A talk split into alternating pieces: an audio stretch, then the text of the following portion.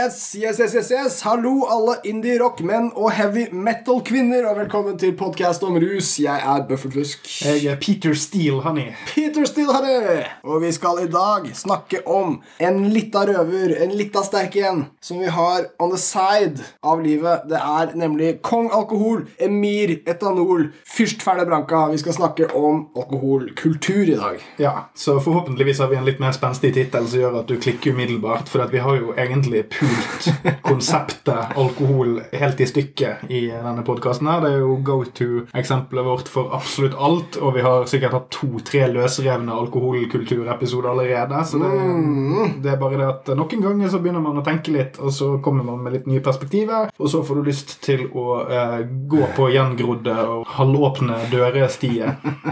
Skyld ikke på oss, skyld på politikerne som gjorde dette til det eneste tilgjengelige harde, tunge rusmiddelet vi har. Skyld på naturen som lagde kjemien som gjør alkohol lett tilgjengelig. Og deg sjøl. Skyld selvfølgelig mest på deg selv der du våkner etter å ha brukt dette rusmiddelet. Din patetiske person, hva er det du har gjort? Ja, hva er det du gjør med livet? Åh, hvordan kunne du? Yes, vi er i gang, og det er kultur som skal være i fokus her, folkens. Fordi alkohol har en sentral rolle i vår kultur, og da mener jeg ikke den kulturen som du nyter hjemme i stua di, der du også drikker alkohol, din tørste jævel, men også rett og slett måten vi opptrer sammen. Rett og slett hvordan vi omgås hverandre, hvordan vi har ritualer som handler om det som heter sosialt samspill. Vi skal være sosiologer som bare helvete i denne episoden. Denne, denne psykologiske reinlenderen i uh, livets leikering. Ja, denne skarpe shotten i Denne, denne submarine-shotten i uh, sendingas pils skal vi være. Uh, Dette drikkepresset i uh, livets utdrikningslag. ah, det er masse igjen. Det er masse mm. igjen på alkohol. Vi har ikke brukt opp en dritt. Ja da, for når vi skal snakke om alkoholkulturen, så trenger ikke vi nødvendigvis å ta det vi har snakket om før. Vi trenger ikke å snakke om at narkotikaforbudet, som spredde seg globalt, i stor grad var et initiativ fra de som solgte alkohol, noe som oppsto uh, etter at Al Capone viste hvor lett det var å gjøre, og forbudstiden plutselig ikke var så fet likevel. Uh, vi skal heller fokusere på hva alkohol faktisk er, og hvordan vi uh, totally ikke lykkes med å forby det. og grunnen til det, det kan vi ta først. Det er fordi at alkohol er råtten frukt. det er ikke så jævla lett å få regulert sånn grundig, da. Vi bør prøve, og det har vi jo klart ganske bra i Norge, men det er en kjerne av dette rusmiddelet. Det er så jævlig sykt tilgjengelig. Alkohol er det eneste rusmiddelet folk lager i fengsel. Altså, de, de brygger det med frukt i en dass. Uh, du får ikke lagd meth på den måten. Og Det sier litt om hvor mye du har lyst til å drikke for å holde ut fengsel når du er villig til å drikke råtten dassfrukt.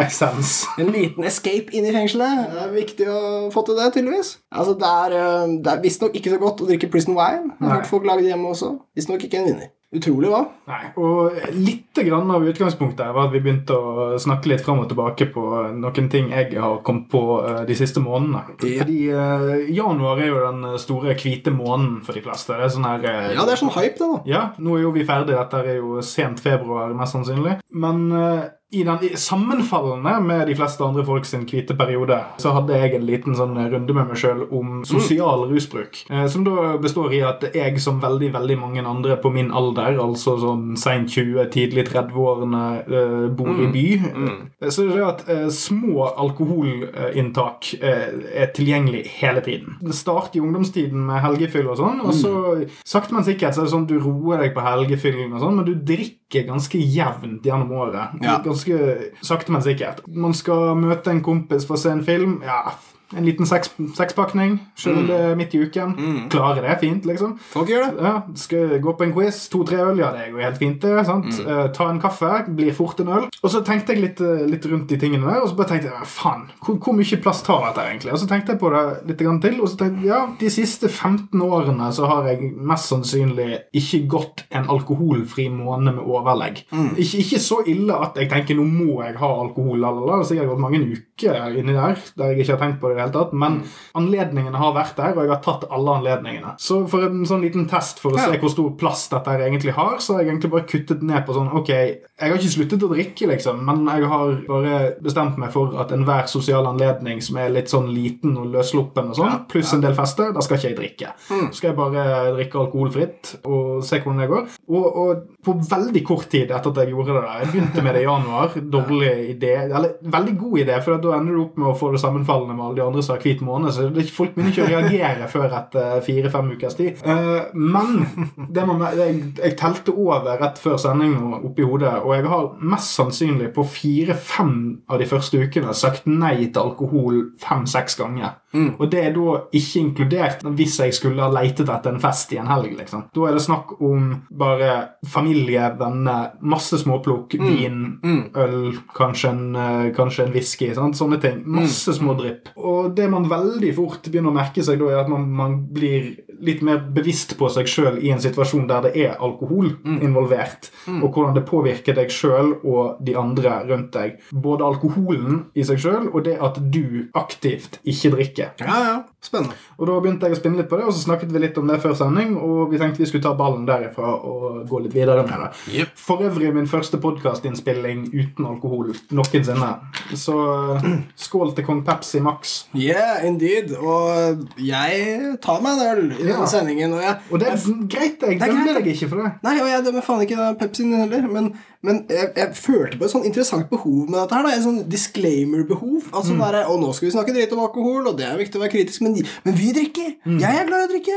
Drikker akkurat nå, jeg, faktisk. Ja, jeg la jo til det at jeg har ikke sluttet å drikke. Ja, ja. Som en sånn Ja, du må jo fortsette å høre på meg. Jeg har ikke blitt puritan. Nei, det... du er da fortsatt en nordmann, si. Men det er fascinerende at jeg har dette behovet for å disclaime, eller da altså uh, lette mitt hjerte typ, om, om dette. En slags posisjonering om at å ja da, jeg kritiserer, men jeg er ikke en av de. En av de da avholdsfolka. Å nei, tvert imot, jeg vet hva alkohol er, jeg har det i munnen akkurat nå. Uh, men, men det at jeg har behov for å si det, det vitner også om hvor sentralt dette er i en kultur jeg veldig er med på. Uh, står midt i. Så det behovet der, det, det burde kanskje ikke vært der.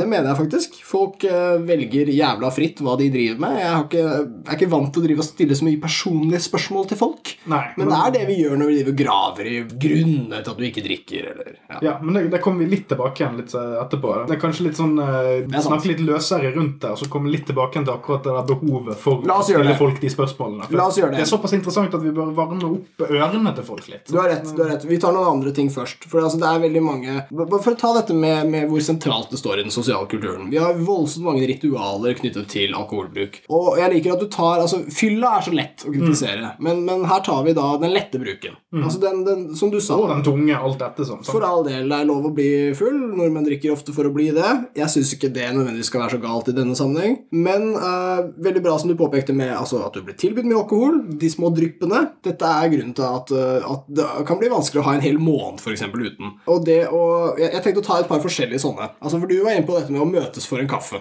Eh, jeg, jeg har tenkt på dette med I Norge så har vi uh, Vi er veldig tørste, vi er veldig glad i å drikke, men det å møtes for en kaffe, det er faktisk en kaffe. I, i mange land så er det å møtes for en kaffe Det er uh, altså, For all del er lov å drikke i Norge òg. I mange land så er kaffe det samme som øl. Altså, når du sier det, så blir det øl. I Norge så blir det kanskje en litt sånn Å ja, du tar en øl, du, ja. Ja. Det er ikke noe gærent i det. Jeg bare visste ikke at vi skulle det. Jeg visste ikke at det var et slags det som skjedde nå. Fordi eh, det å drikke alkohol det er noe vi ofte gjør veldig mye sammen. Eh, det å drikke alkohol alene blir sett på som farlig, litt sånn urovekkende. Men eh, hvis, du, eh, hvis vi gjør det sammen, så er det fint. Så det bør gjerne avklares på forhånd, eh, eller noe sånt. Men eh, ellers er vi ganske forberedt på at der og der drikkes det. Som jeg, bare, bare før vi legger fra oss den her, det spørsmålet om hvorfor drikker du ikke, eller det er en sånn ryggmargsrefleks. Det kommer også litt for denne avklaringen av hva som skal skje sosialt. Ja, ja, det er det. Og akkurat det der med signaleffekter det var, Jeg har jo lest litt rundt dette her òg, men en spesiell ting som eh, poppet opp i en artikkel så, det, det er spesielt dette med La oss bare ta, ta utgangspunkt i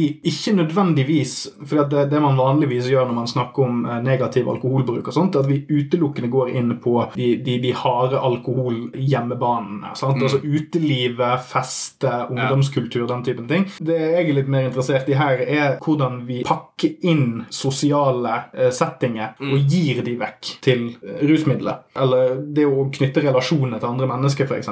Og et helt åpenbart eksempel er f.eks. sjekkekultur eller one night stands og den typen ting. Ja. Der er det veldig tydelig, eh, i hvert fall for folk i min generasjon og de som er yngre, og kanskje helt opp de som begynner å trekke litt på årene òg, så er det det at drikker du på en fest der du ikke kjenner så mange andre folk, eller drikker du ute på byen, så sender du et signal til andre folk om at det er mulig å pule meg i kveld. Ja. Altså Ikke nødvendigvis at det er en done homofil, eller noe sånt, men hvis du drikker sammen med masse andre mennesker, så er det nesten implisitt at du er mer seksuelt tilgjengelig Ja. i den situasjonen enn du ville vært på eh, et kaffebesøk. Det er faktisk sant, yes. Ja, ikke det at det å treffe en fremmed person på et kaffebesøk betyr at du skal gå bort og si 'hei, pule', men det betyr at du har innskrenket mulighetene for å oppnå kontakt med andre mennesker i andre situasjoner enn Ja. de som involverer alkohol. Ja, og i det kafferitualet som det er, så er jo ikke seksualiteten alltid så, så veldig innblandet. Eller altså, i denne forstand um, jakten etter en partner. Du er ikke så mye blanda der. Men, men du,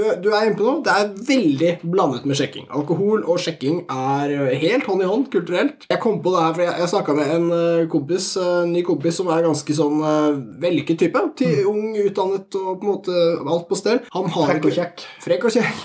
Voldsomt uh, irriterende flink med livet sitt. Uh, han har ikke så voldsomt store behov for å drikke heller, men å være en singel mann. Og Han fortalte meg der at når han er på byen, så har han en øl i hånda. eh, fordi hvis han ikke har det, så syns folk han er ekkel. Altså fordi Han har jo lyst til å snakke med fremmede folk. Han er kontaktsøkende. Han er ikke, han er ikke en ekkel person. jeg må bare si det. Han driver ikke og glor og gjør rare ting. Men, men det å ha et glass vann i hånda, det er det han helst vil ha, det blir veldig rart. Og også det å ha en drink, det kan se litt ut som en brus. Det han fortalte, var at ølen er liksom det beste. Det er liksom Her kommer det en chill fyr-symbolet. Og alt annet enn å være en chill fyr er et utrolig vanskelig utgangspunkt i den situasjonen der. Ja, og jeg tror det kan være litt tilsvarende for mannfolk òg. Eh, hvis du Ja, Ja, la oss bare, la oss bare ekskludere bifile og homofile.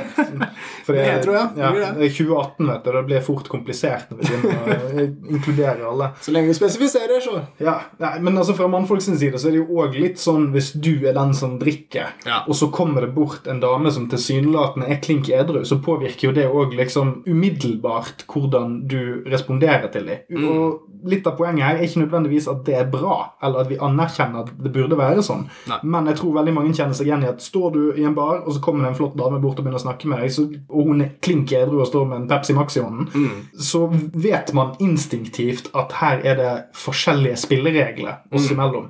Og hvorfor det? Ja, ja. Hvorfor er det sånn at den interaksjonen skal farges av at en person ikke drikker? Altså, en ting er at man begge er klar over at den ene er mer redusert enn den andre mentalt, det noe, men det er jo på bordet. Det vet vi jo.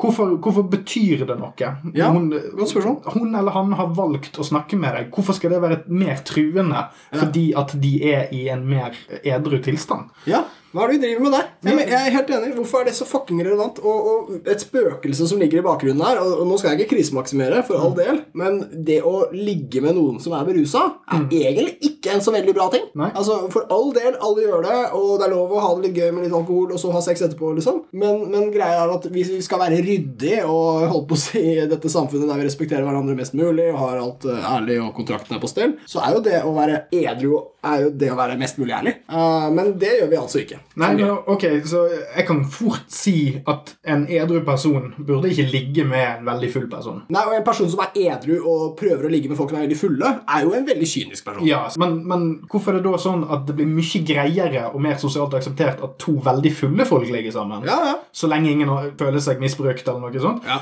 Enn det er at to personer som er klink edru, møter hverandre og så veldig fort går og har sex. Mm. Ja, ja, ja. Fordi det er noe vi Altså, vi, vi driver jo og slutshamer folk fra veldig ung alder hvis du bare går hen og puler folk du nettopp har møtt. ja, ja. I hvert fall hvis du er edru. Særlig hvis du er edru. da, da, ikke, du- da, da har du jo virkelig ikke god dømmekraft. Ikke en eneste unnskyldning, da. Nei, Du har ikke engang unnskyldningen at du hadde redusert dømmekraft pga. at du drakk alkohol. En jævlig beleilig unnskyldning. Ja, Istedenfor å tenke at en avgjørelse man tar klink edru, kan være noe man ikke trenger å skamme seg over. Ja, word. Og nå, Nice. nå blir dette veldig sånn seksuelt sentrert, men jeg tror dette er en ting som man kan overføre til andre eh, altså sosiale situasjoner der du drikker en del. Ja, absolutt. Altså, det, det blir sexsentrert fordi det vi snakker om, er sjekking. Og det er målet, på et vis. Altså, Du kan jo si sex er målet for det aller meste mennesker gjør. Men altså, det vi snakker om her, altså med referanse til vår eminente episode med Ole Martin Moen, eh, så er jo det vi snakker om her, det er jo rusantropologi. Ikke sant? Vi snakker rett og slett om eh, hvordan mennesker opptrer som en flokk eller stamme, og, og her er det rus som er det viktige. Eh, og altså, Vi får en ærlighetskultur eller noe sånt som da dyrkes gjennom ritualet å drikke. Eh, og Det her er interessant, fordi det er ikke nødvendigvis sikkert du blir så jævlig ærlig av å drikke. Vi har alle sagt ting vi ikke mener på fylla. Man har jo en tendens til å overdrive. Eller ting du angrer på at du har ment, eller. Ja, Eller at du angrer på at du har blottlagt deg for noe. ja, og det er ikke sånn at du blir for moderat på fylla. Det går alltid i andre retning. Det er alltid for spissa, for edgy. Kanskje jeg ikke mente det så hardt som jeg sa det. Men, men man løsner på snippen. ikke sant? Og det, det som er fascinerende med, det, med den effekten som alkohol har der, det er det at den kan jo brukes til da et sånn bonding-rituale. Og det bruker jo folk. Man bonder med kolleger eller noe sånt. Du kjenner folk edru, men med en gang du har drukket med dem, så kjenner du dem på en ny måte. Det, det stilige her er at det finnes jo også en kynisk side. Hvis du ser på eh, spioner og utenrikspolitikk, så driver jo de også og skjenker hverandre for å da trekke informasjon ut. Eh, Så det fordrer jo, hvis du skal bonde, da, så må jo begge være interessert i å gi. Uh, Men en veldig full person er ikke nødvendigvis i stand til å se hva som skjer. Eh, Var dette bonding, eller ble jeg utnyttet for info? Eh, Så at det er en slags sannhetsserum, er både, både sant og ikke. Vi sier alltid mer enn vi ville sagt, men kontekst, altså innholdet i det vi sier, trenger ikke være sant. Ja, og spesielt i sånne kontorsettinger. sant? Altså Enten det er en eller annen slags kontorfest, eller det er jul, julebordet, eller noe ja. sånt. Det har blitt snakket i hjel i offentligheten, og sånt, fordi at det er det at eh, man kan ikke blande eh, herlighet og inderlighet med en corporate structure, eller en kommunal structure, eller hva du skal kalle det. Det det jeg egentlig vil litt mer inn på nerven på, er hvordan disse situasjonene her kanskje har blitt kunstig forverret av måten vi som folk, altså i Vesten eller i Norge eller hva faen den du har lyst til å eh, avgrense det, at vi har en tendens til å tilskrive alkoholsituasjoner en slags eh, enorm frihetsfølelse og en, en slags sannhet som du ikke har tilgang på i edru tilstand. Så når du da liksom møtes på den der kontor eh, lønningspilsen eller hva enn det er snakk om, og så sitter du og, og skråler til klokken er to-tre om natten, og så våkner du opp og angrer så jævlig på en del ting dagen etterpå, du, du, du var liksom altfor alt for løs i snippen, så påvirker det relasjonene på kontoret eller på skolen eller hvor enn du jobber dagen etterpå. Plutselig sitter det masse folk og har informasjon om deg som du ikke er komfortabel med at de har. Men hvorfor er ikke du komfortabel med det? Er det på av at du løsner for mye på snippen og åpner deg for mye når du er full? Eller er det det at du er fuckings forknytt når du er edru? Ja. Og at vi som befolkning kanskje har en tendens til å egentlig ikke ha veldig sterke personlige relasjoner med venner og kolleger når vi er edru. At Yes. vi ikke tør å være genuine i visse situasjoner. Og jeg sier ikke at man må være det, men kanskje noe av løsningen på mange av alkoholkulturens problemer er at ikke nødvendigvis at vi drikker så forbanna mye mindre, men at vi begynner å tenke litt mer om hva vi gjør når vi er edru. Ja, ja, ja. Nice. Ja, vet du hva. Det, dette er dritbra. Altså, du, du nevner 'for løs på snippen'. Altså, nå skal jeg dra snippen-begrepet altfor langt her, men det Har du noensinne sett en snipp? jeg vet ikke hva det er for noe. Uh, men det som likevel skal jeg bruke det Snippen er jo da for, for tett, da. Altså for, for stram snipp. Kvelen. Det er det vi har. Og, og problemet Altså, for løs snipp er et flott, flott bilde. Fordi når du våkner neste morgen og så tenker du 'fuck, den snippen der, den ble for løs', så er jo det da en slags eh, avstand mellom hvordan snippen er ellers, og hva som skjedde denne kvelden. Altfor stor avstand. Problem. Eh, men, men Snippen er løs. Snippen er løs. Mamboen er løs. uh, men hvis du da hadde hatt løsere snipp ellers, så ville ikke distansen vært så stor, og så ville da du ikke følt at du oppførte deg så rart. Du ville ikke vært så annerledes enn du er ellers. Men dette er jo uh, utrolig stilig, ikke sant? fordi vi har, man har et sosialt utbytte, kulturelt utbytte, av å gjøre seg litt sårbar. Ikke sant? Det å, å, dette er å løsne på snippen. Vi, vi burde heller se på det som sårbarhet som deles, eller noe sånt. Altså, man, av man rustningen. byr på seg selv og alt det der. Men Vis en annen side. og den, den du byr på av deg selv, er en sårbar versjon av deg selv. Og når jeg sier sårbar, så mener jeg det veldig bredt. Det betyr ikke at du nødvendigvis uh, gjør deg selv lett å angripe, eller noe sånt, men at du rett og slett viser mer. Viser ting du kanskje er redd for å vise ellers. Og jeg tror at det kulturelle utbyttet av å gjøre seg litt sårbar er særlig stort i kulturer der man gjør dette veldig sjelden. Og det kan jo da f.eks. i litt bred perspektiv være de nordiske kulturene som vi bor i. Altså Hvor du har et klima og sånne ting. Folk er litt jeg vet ikke om jeg skal si liksom inneslutta, men litt lukket. ikke sant? Vi er kjent for dette her. Eh, men jeg ville også trukket fram eh, mannekultur. Ikke sant? Altså kvinner. For all del så er kvinner veldig flinke til å bruke alkohol til bonding, de også, men jeg tror ritualene er litt annerledes for menn. Og noe av grunnen til det er at i mannekulturen så er det å gjøre seg selv sårbar, vise fram sårbare sider av seg selv, det er noe som er ganske tabu. Det er noe vi ikke gjør Uh, lett. Og hvis du gjør det mandag morgen på jobb, er du kanskje ikke så taktisk smart. Eh, hvis du sier den samme setningen på fylla med sjefen lørdag kveld, så går det greit. Ja, altså det, Til en viss grad. Og jeg tror, det, jeg tror det, er, det, er, veldig eh, dominansbasert helt fram til det er på tomannshånd. ja, kanskje det. altså det, det, er lettere å være to fulle karer som snakker om følelser, enn det å være tre, fire, fem, seks, sju, åtte. Sant? For ja. Jo flere folk som observerer det, jo mindre personlig blir det. Da får vi det terapeutiske aspektet. For én ja. behandler og én pasient er det beste. Ja, sant? Altså, det er jo grunnen til at bartenderen har blitt eh, en sånn klisjé. som ja psykologen til alle forsofne menn der ute. Ja, ikke sant. For det er den eneste som er der og lytter. eller et eller annet sånt. Den eneste som bare står der hele tiden. Mm. men, men, det er jo òg blitt en vits, fordi at bartenderen er jo òg den eneste edru personen i lokalet. Ja. Så det eneste grunnen til at eh, den analogien fungerer i det hele tatt, er jo bare det at det er opplest og vedtatt at bartenderen har et annet perspektiv enn deg, for nå er du shitfaced og han er edru. Ja, og, og, ofte er bartenderen også en uh, tørst person ja. uh, som, som, jobber og derfor ofte liker alkohol. Og det du da snakker med, er på en måte en som deg. Mm. En fyllik som akkurat ikke i det øyeblikket har drukket. Yeah. Så det er en veldig eh, fin person å speile seg i. Um, så, så, akkurat på det der med å det er også, Jeg tror at noen folk bruker alkohol som en sånn lette på trykket-teknikk, litt emosjonelt. Ja på den måten der. Fordi at det er spesielt sånn, altså denne greia med å plutselig så danset den personen som aldri danser. sant? Noe den varme mitt Ja, ja, det med dansing er spennende, faktisk. Ja, danse, og, Hvor mange folk er ikke det som har våknet opp en søndagsmorgen og angret på dansing? Ja, jeg danser ikke edru. Dette sier veldig mange. Det er en vanlig ting å si. Er det ikke en syk ting å si? Ja, også, også, Man kan ikke. Man går ikke. Jeg, jeg, danser generelt sett ikke, men det er fordi jeg ikke kan danse. Ja, ja, det er mer det. Og, ja, og, og det er jo òg et, et, kontrollaspekt. sant? For at med en gang jeg eventuelt skulle begynt å danse, så vil jo det være en bare åpenbaring av se hvor lite hånd-øye-fot-bein-koordinasjon jeg har. Mm. Men nå, det her er mind-blowing shit, man. Mm. Jeg mener ikke å avbryte, men du sa noe personlig i stad. Jeg skal mm. gjøre det samme. Jeg syns det er ålreit å danse. Mm. Jeg har til og med fått skryt for min dansing. Sikkert veldig godvillig skryt, mm. for all del. Jeg er ikke spesielt proff på dette her. Men jeg klarer ikke å, ha det gøy med dansing. Jeg klarer ikke å kose meg med dansing. Nei, men det, er en show-off-ting, sant? Det... Før man da har drukket ganske mye. Og, Det er et kollektivt ritual som er mm. grunnen. Mm. Jeg er liksom ikke alene og fri nok før jeg er full, og det er, det er trist, er det ikke? Altså, ja, altså, det, det, er ikke det at de andre nekter meg å danse, men, men, på en måte. Ja, men Det er en sånn uskreven regel at alle kan danse i en festsetting, og ingen kommer til å dømme deg, men vi vet alle at det er et stort skille mellom de som kan og ikke kan danse. Mm. Og de vi kommer til å huske, er de som, de som kan danse jævlig bra, og de som ikke kan danse i det hele tatt. Ja. Alle i midten der. Og du har egentlig aldri lyst til å finne ut hvor du er på det spekteret. Hvis du ikke er sikker på hvor du havner. Du vil ikke vite det. Nei. Ja, men... Hvis det er så jævla viktig å danse på fest, hvorfor tar du ikke dansekurs ellers når du er edru?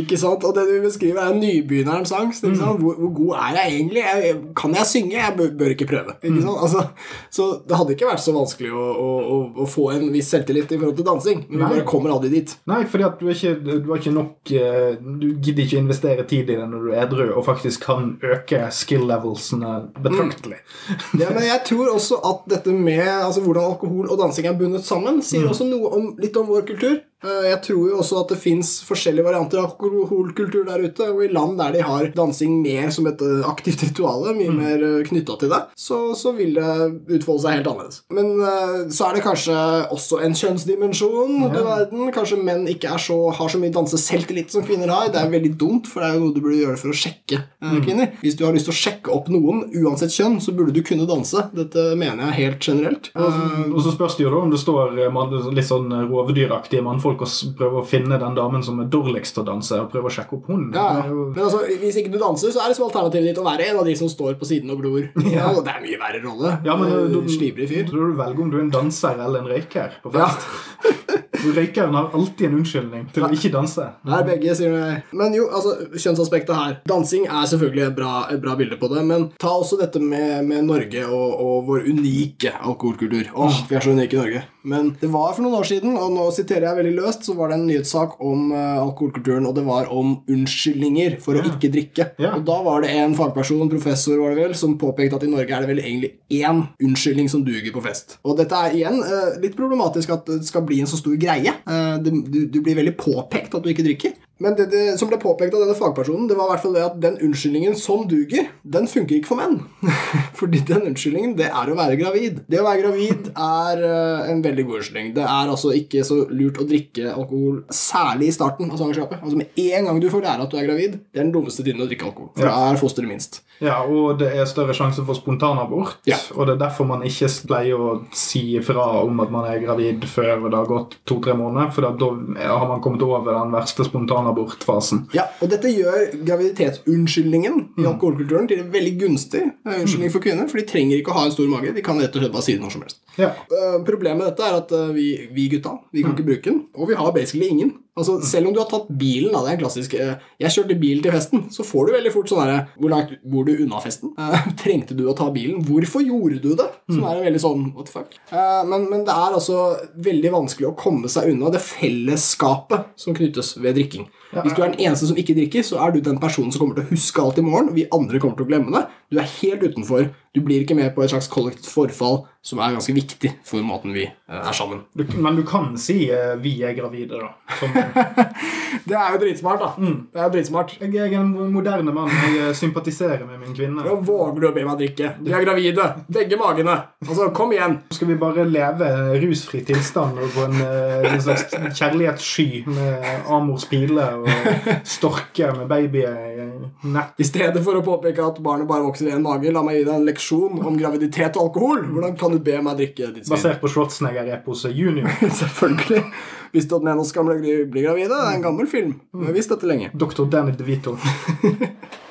men, men, men vi, vi, må ha det her. Altså, bare det at man trenger en unnskyldning ikke nødvendigvis så innmari bra. Uh, men at unnskyldningen som duger, er så utrolig personlig så, og spesifikk. Og spesifikk som å være gravid, uh, er, er, heller ikke bra. Men det som er greit, det er utrolig personlig. Utrolig mm. personlig. Både det å være gravid, selvsagt, men også det å velge å ikke drikke. Vi kunne spurt hverandre om veldig mye på fest. Hvorfor har du tatt på deg den genseren her i dag? Hvorfor velger du å ha utseendet du har? Hvorfor er du så stygg i trynet? Ja, Hvorfor er du så tjukk? Uh, som barn ofte spør om. Et godt spørsmål.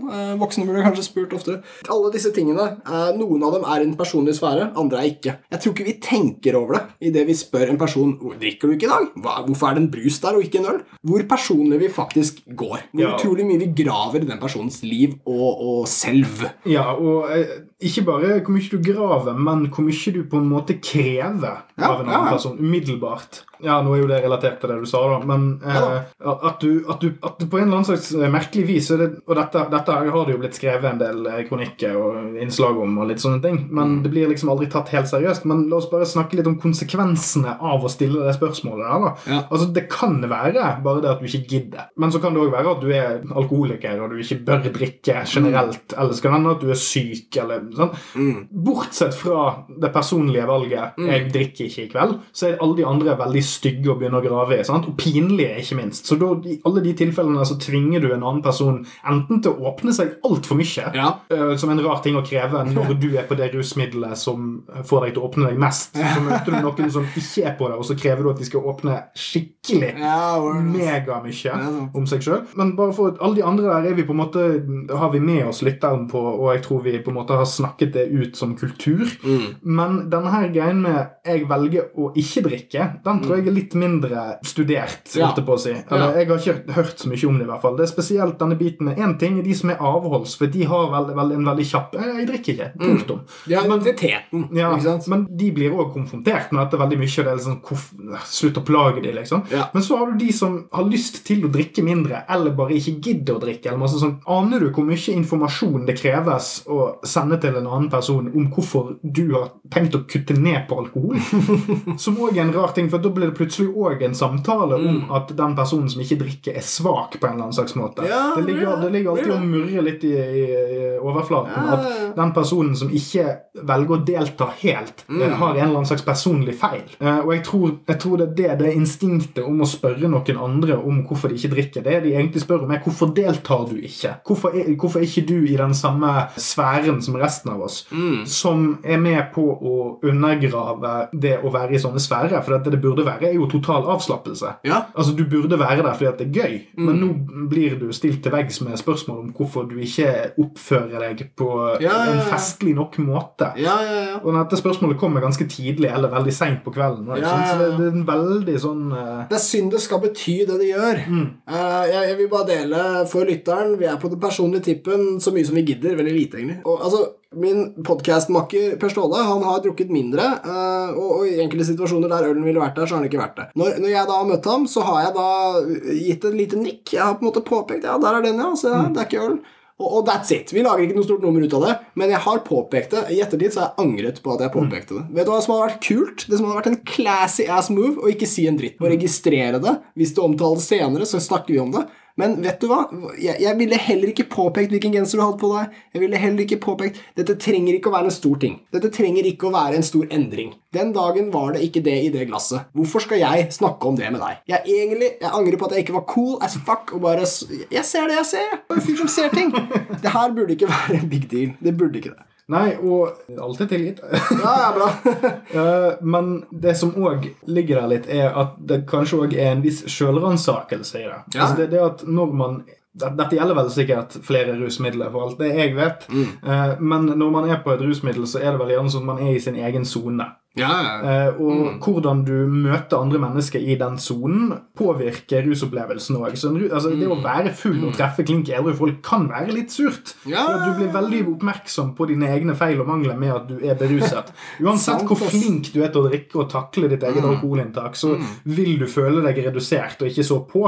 Mens hvis du står og snakker med de som er like drita som deg sjøl, så vil du være kongen på haugen. ja. Og det emosjonelt sett. Det som, det som er litt sneaky, og som jeg har merket tendensene til, men som jeg er litt interessert i å se hvordan eh, det kommer til å arte seg framover, det er denne litt rare greien med at det tilsynelatende påvirker samtalen man har med en annen person, det at de er klar over at du er edru.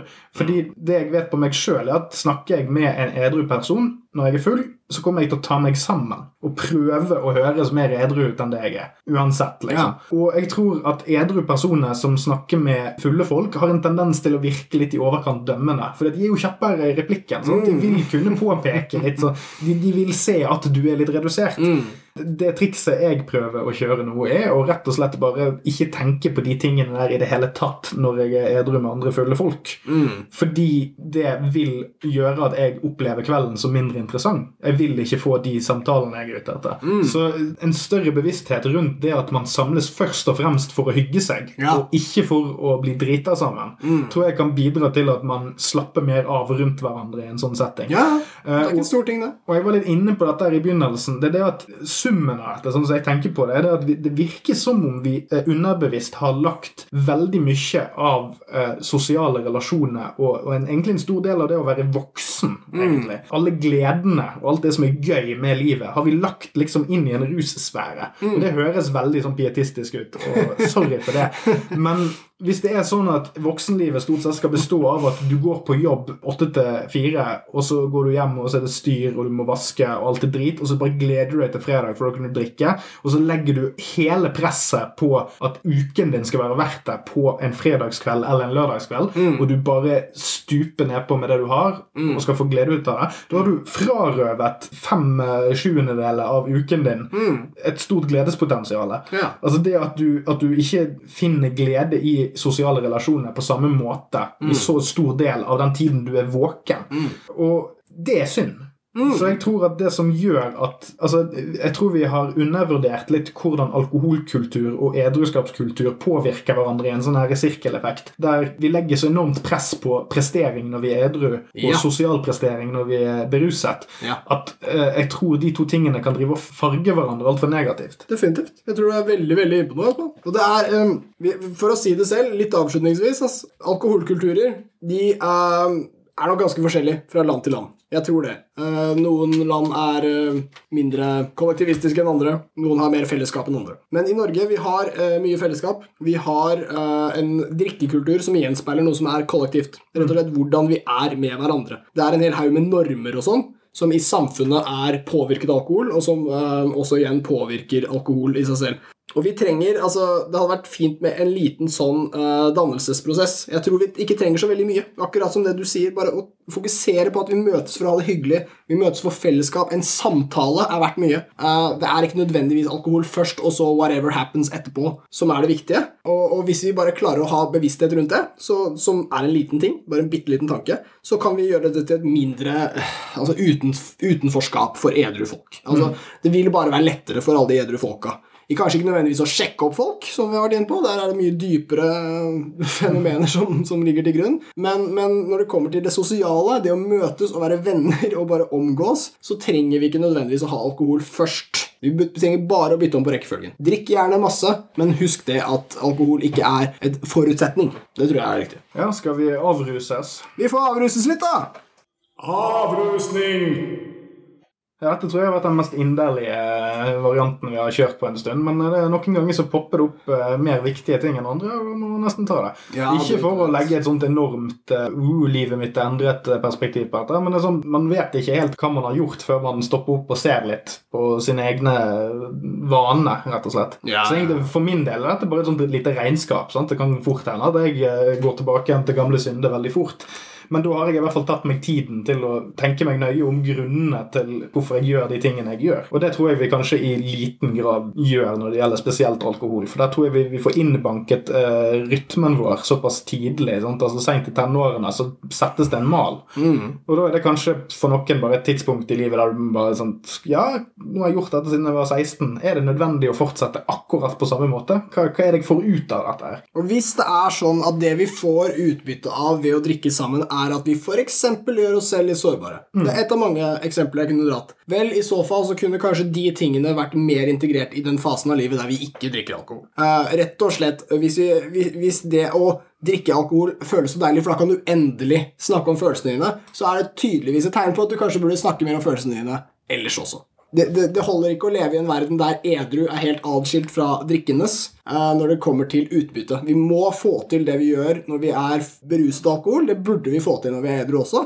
I hvert fall når det kommer til sosiale ting, psykologiske ting, ting som hjelper oss. Vi burde ikke trenge å drikke. Vi kommer til å fortsette, vi kommer til å trenge det, men uh, hvor mye vi trenger det, det klarer vi å påvirke selv. Tror jeg. Ja, og, og, ikke minst så tror jeg at det å rett og slett være klar over at du har valg. Ja. At du ikke er låst i noe som bare er en evig repeterende rytme med jobb, helg, fyll, jobb, helg, fyll, jobb, helg, fyll. Mm. Altså, bare det å ta tre steg tilbake og se litt over ok, hva, hva faen er det som er verdt noe her? Hva, hva, er det jeg egentlig har lyst til å få ut av de neste fem årene? Mm.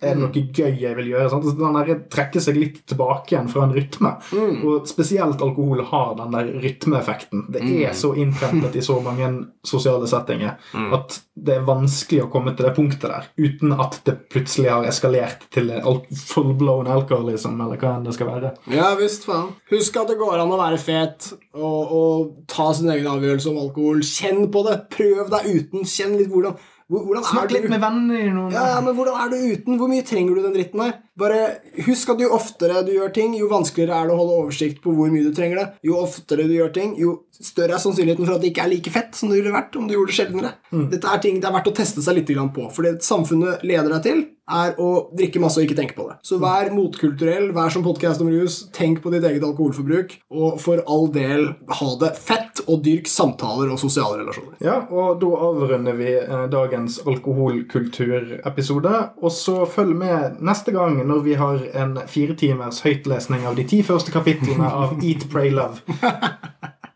det blir ikke mer inderlighet. Snart skal vi disse folk igjen. Snakkes! Hei.